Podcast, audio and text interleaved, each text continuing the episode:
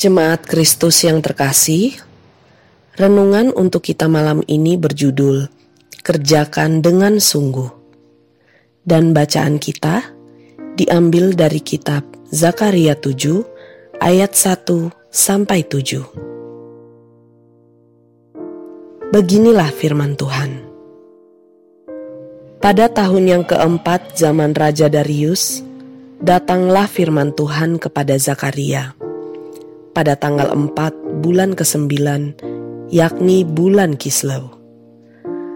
Adapun penduduk Betel telah mengutus Serezer dan Regem Malek serta orang-orangnya untuk melunakkan hati Tuhan, untuk menanyakan kepada para imam dari rumah Tuhan semesta alam dan kepada nabi, demikian. Haruskah kami sekalian menangis dan berpantang dalam bulan yang kelima seperti yang telah kami lakukan bertahun-tahun lamanya? Maka datanglah firman Tuhan semesta alam kepadaku, bunyinya. Katakanlah kepada seluruh rakyat negeri dan kepada para imam, demikian.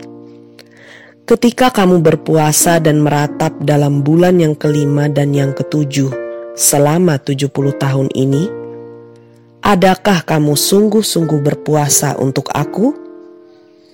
Dan ketika kamu makan dan ketika kamu minum, bukankah kamu makan dan minum untuk dirimu sendiri?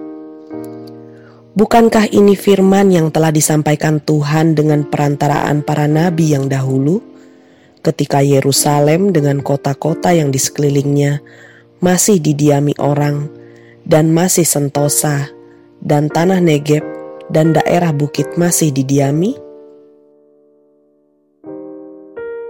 Mengerjakan ritual keagamaan akan membuat kita terlihat saleh di depan banyak orang, karena pada dasarnya orang akan lebih melihat apa yang dapat dirasakan oleh panca indera kita. Oleh karena itu, tidak jarang orang terkecoh dengan tampilan dan perilaku yang dibuat-buat, sehingga penilaian kita kepada seseorang tak selalu tepat.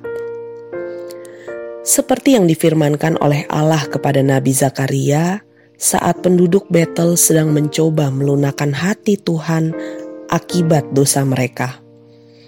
Benar bahwa mereka melakukan puasa dan meratap, tetapi Tuhan tidak menerima ibadah mereka karena puasa dan ratapan yang mereka kerjakan tidak tulus, hanya demi mendapatkan keuntungan mereka sendiri di masa depan, yaitu luput dari hukuman Tuhan.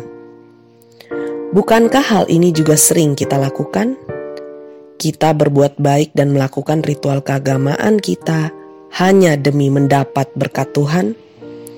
Tanpa sadar, kita melakukan itu semua tanpa ketulusan karena tidak ada rasa syukur yang melandasinya. Mari kembali memeriksa diri kita.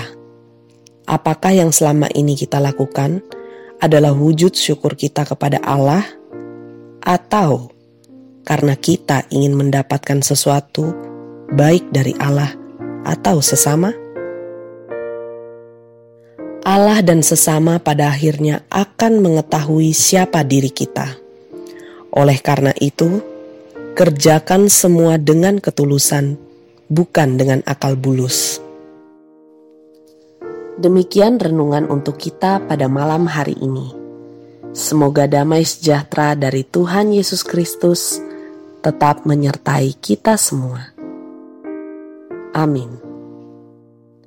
Jemaat Kristus yang terkasih, mari kita menaikkan pokok-pokok doa yang ada dalam gerakan doa 21 GKI Sarwa Indah.